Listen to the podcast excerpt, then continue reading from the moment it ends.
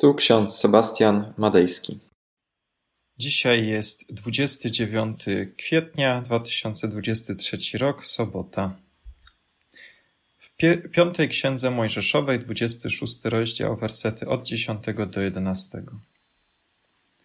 Oddasz pokłon Panu, Bogu Twemu, i będziesz się weselił z wszelkiego dobra, które Pan, Bóg Twój, dał Tobie i Twemu domowi oraz pierwszy list apostoła Pawła do Tymoteusza, szósty rozdział, siedemnasty i osiemnasty werset.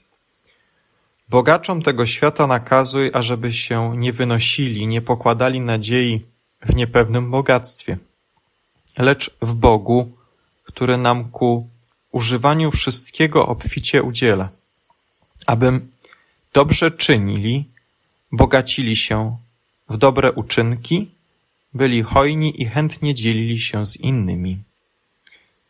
I takie słowa C.S. Lewisa.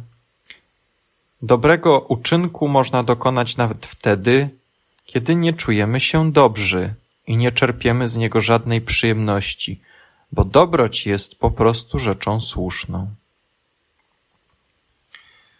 Drodzy, błogosławieństwem jest mieć rzeczy, które można kupić. Jednak wiele tracimy, jeśli skupiamy się tylko i wyłącznie na nich.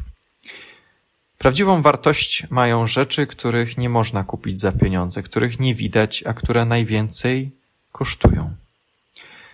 Za pieniądze kupimy wszystko, co jest na sprzedaż. Jednak takich rzeczy jak zdrowie, szacunek, relacje nie kupimy za pieniądze, choćbyśmy mieli ich bardzo, bardzo wiele. Piśmie Świętym odnajdujemy wiele fragmentów, które upewniają nas w tym, że niezależnie kim jesteśmy, niezależnie ile pieniędzy posiadamy, jesteśmy zdecydowanie cenniejsi niż myślimy. Przecież sam Pan nasz Jezus Chrystus oddał za nas swoje życie. Bóg poświęcił się za każdą i za każdego z nas, mimo że nie zasługujemy na to w żadnym stopniu. To, co Bóg widzi w tobie, jest ważniejsze od tego, co posiadasz w portfelu czy na koncie bankowym. Każdy z nas chce mieć poczucie bezpieczeństwa, ale najważniejsze to, aby pokładać swoje bezpieczeństwo w Bogu, w nikim i w niczym innym, tylko i wyłącznie naszym Bogu, naszym Zbawicielu. Nigdy nie będziesz zadowolony, zadowolona z tego, co masz, dopóki nie nauczysz się cieszyć tym, co ci Bóg dał. Chciwość to zwyczajny brak radości z tego, co posiadamy, a co Bóg nam zesłał. Różnica między chciwością a pragnieniem budowania majątku polega na tym, że chciwość wyniszcza, nie daje nam pokoju Bożego. Natomiast chęć budowy majątku dla swoich dzieci, swoich bliskich jest dobrym pragnieniem. W Piśmie Świętym mamy takie Postaci jak Abraham, król Dawid, Hiob, ich bogactwo i majątek były ogromne, jednak nie pokładali ufności w swoich środkach finansowych. Zawsze ufali Bogu. Nawet wtedy, kiedy zdarzyło im się popełniać błędy, nawet wtedy, kiedy w ich najtrudniejszych momentach życia oddalali się od Boga, to jednak z powrotem Duch Święty prowadził ich we właściwą stronę i odnajdywali pokój nie w pieniądzach, nie w majątku, ale właśnie w Bogu.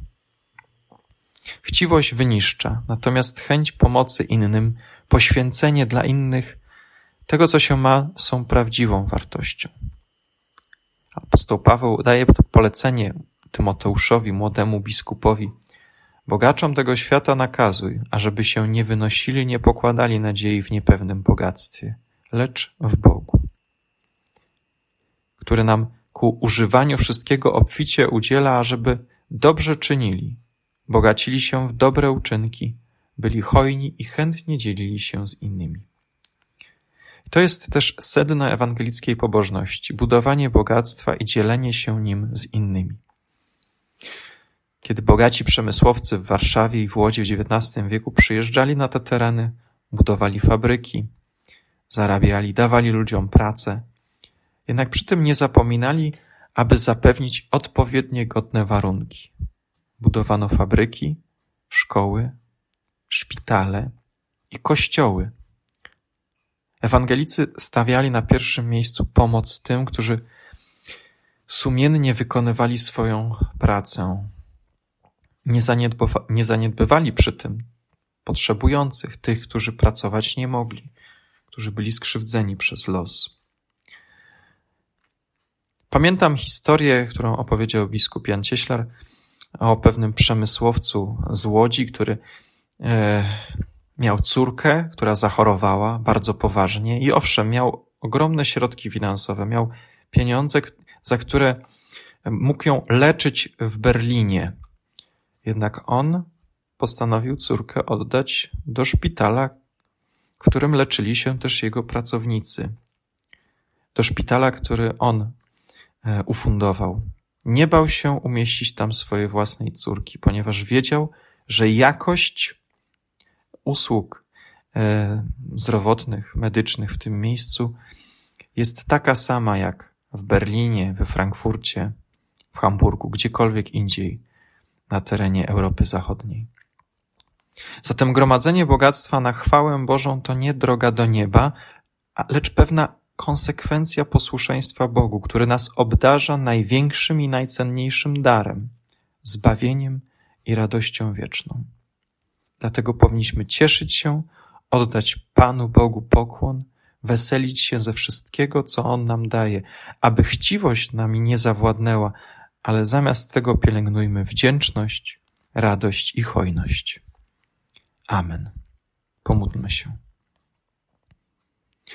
Wszechmogący Panie, dziękujemy Ci za kolejny dzień życia.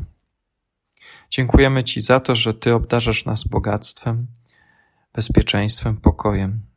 Spraw, abyśmy potrafili dzielić się tym, co nam dajesz z innymi. Pobłogosław nam, Panie, chociaż na to nie zasługujemy.